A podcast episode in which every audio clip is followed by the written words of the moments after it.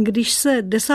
června roku 1942 do světa rozletěla zpráva, že nacisté jako odplatu za atentát na zastupujícího říšského protektora Reinharda Heydricha vyhladili obec Lidice, popravili její mužské obyvatele a ženy a děti odvezli do koncentračních táborů, lidé v mnoha zemích doslova strnuli hrůzou.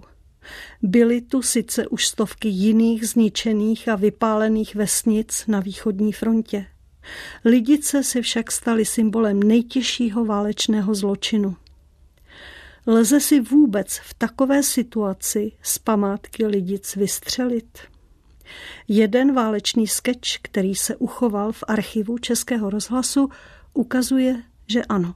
Eh, tak si představte, pane Oberlandsturmbahn vor Bahnhof Führeře, eh, že naše statečné gestapo se opět vyznamenalo. Tedy o tom nikterakž nepochybují, pane Untersturmhäuselputzře.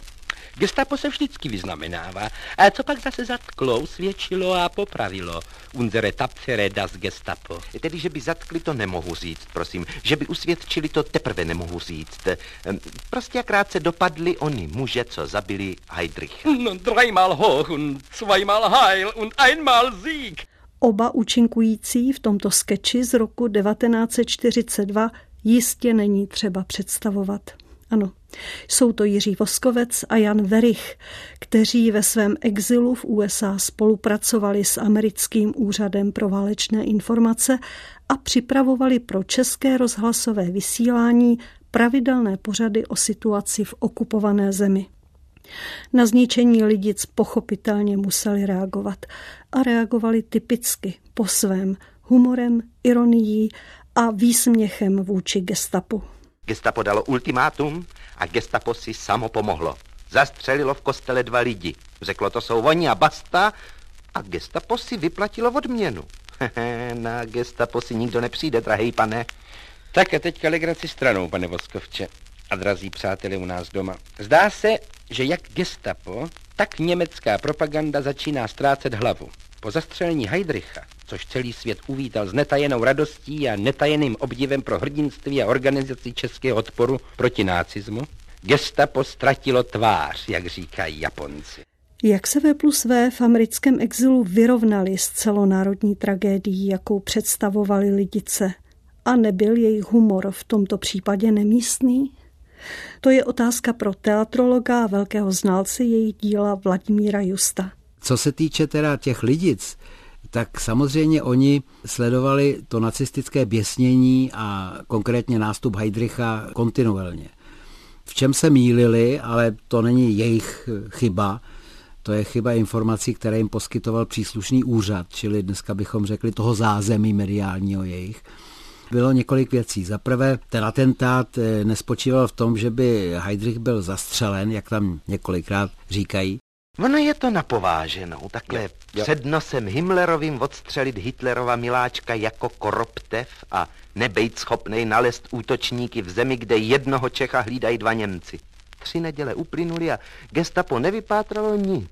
Tři neděle plné vraždění nevinných rukojmí. 20 milionů korun nepřimělo nikoho, aby zradil a po celou tu dobu prej dva muži se skovávali v kostele skoro za rohem od gestav. A odměna prý byla vyplacena. Hm. Odměna za informace. Jo, jo. Komu? Komu? Komu? Komu? Kde jsou jména a adresy těch, kteří dostali odměnu? Tedy jména neznám, ale adresa je asi gestapo. To stačí. Oni vydávají tedy zalež propagandu Goebbelsovskou, že se nepřihlásil žádný člověk, který by proti odměně udal adresu těch atentátníků a jejich identitu. Známo už je to dávno po válce samozřejmě, tehdy to nebylo známo.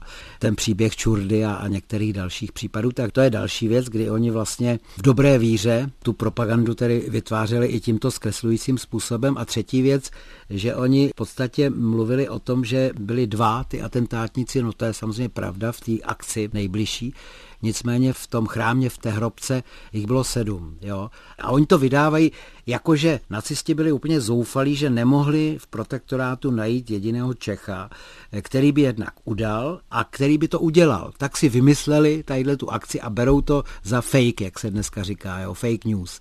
Čili v tomhle se mýlili. Dokonce i v těch výběrech z těch relací rozhlasových Verich zdůrazňuje, že tam říkali často úplný nesmysly a omlouvá se za ně. Jo.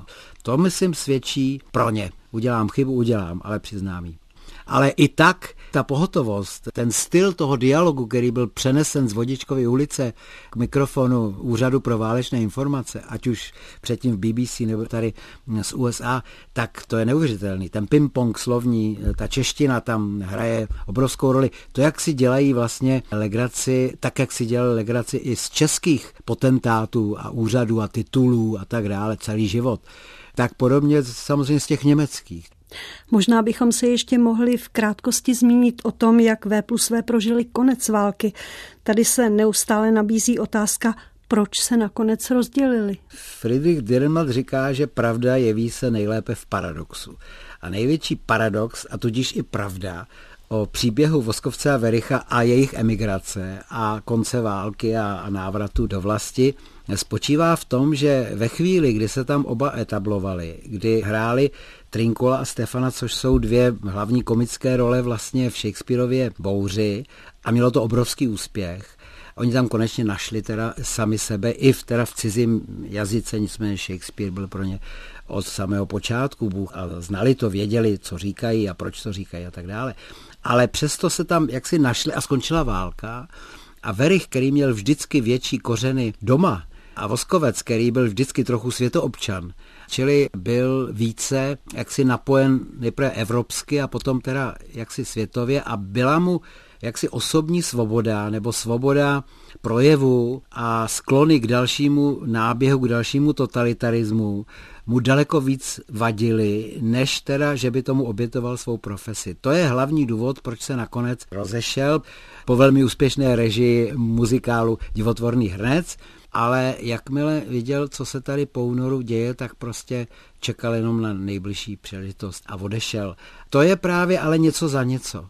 Verich tohle velmi dobře věděl a zase za tu cenu, že si tu autoritu podržel, popularitu a tu možnost mluvit ze scény, z televize, z filmu, z rozhlasu a tak dále, tak za tuhle tu cenu zase byl neustále ta jeho dráha přerušovaná. V době, kdy byl nejvíc ve formě jako herec tak vlastně eh, směl hrát eh, naprosto svobodně, teda v určitých mezích, ale svobodně pět let. To musely být pro něj těžké věci a to byla cena za to, že mohl mluvit k vlastnímu publiku doma, v rodném jazyce.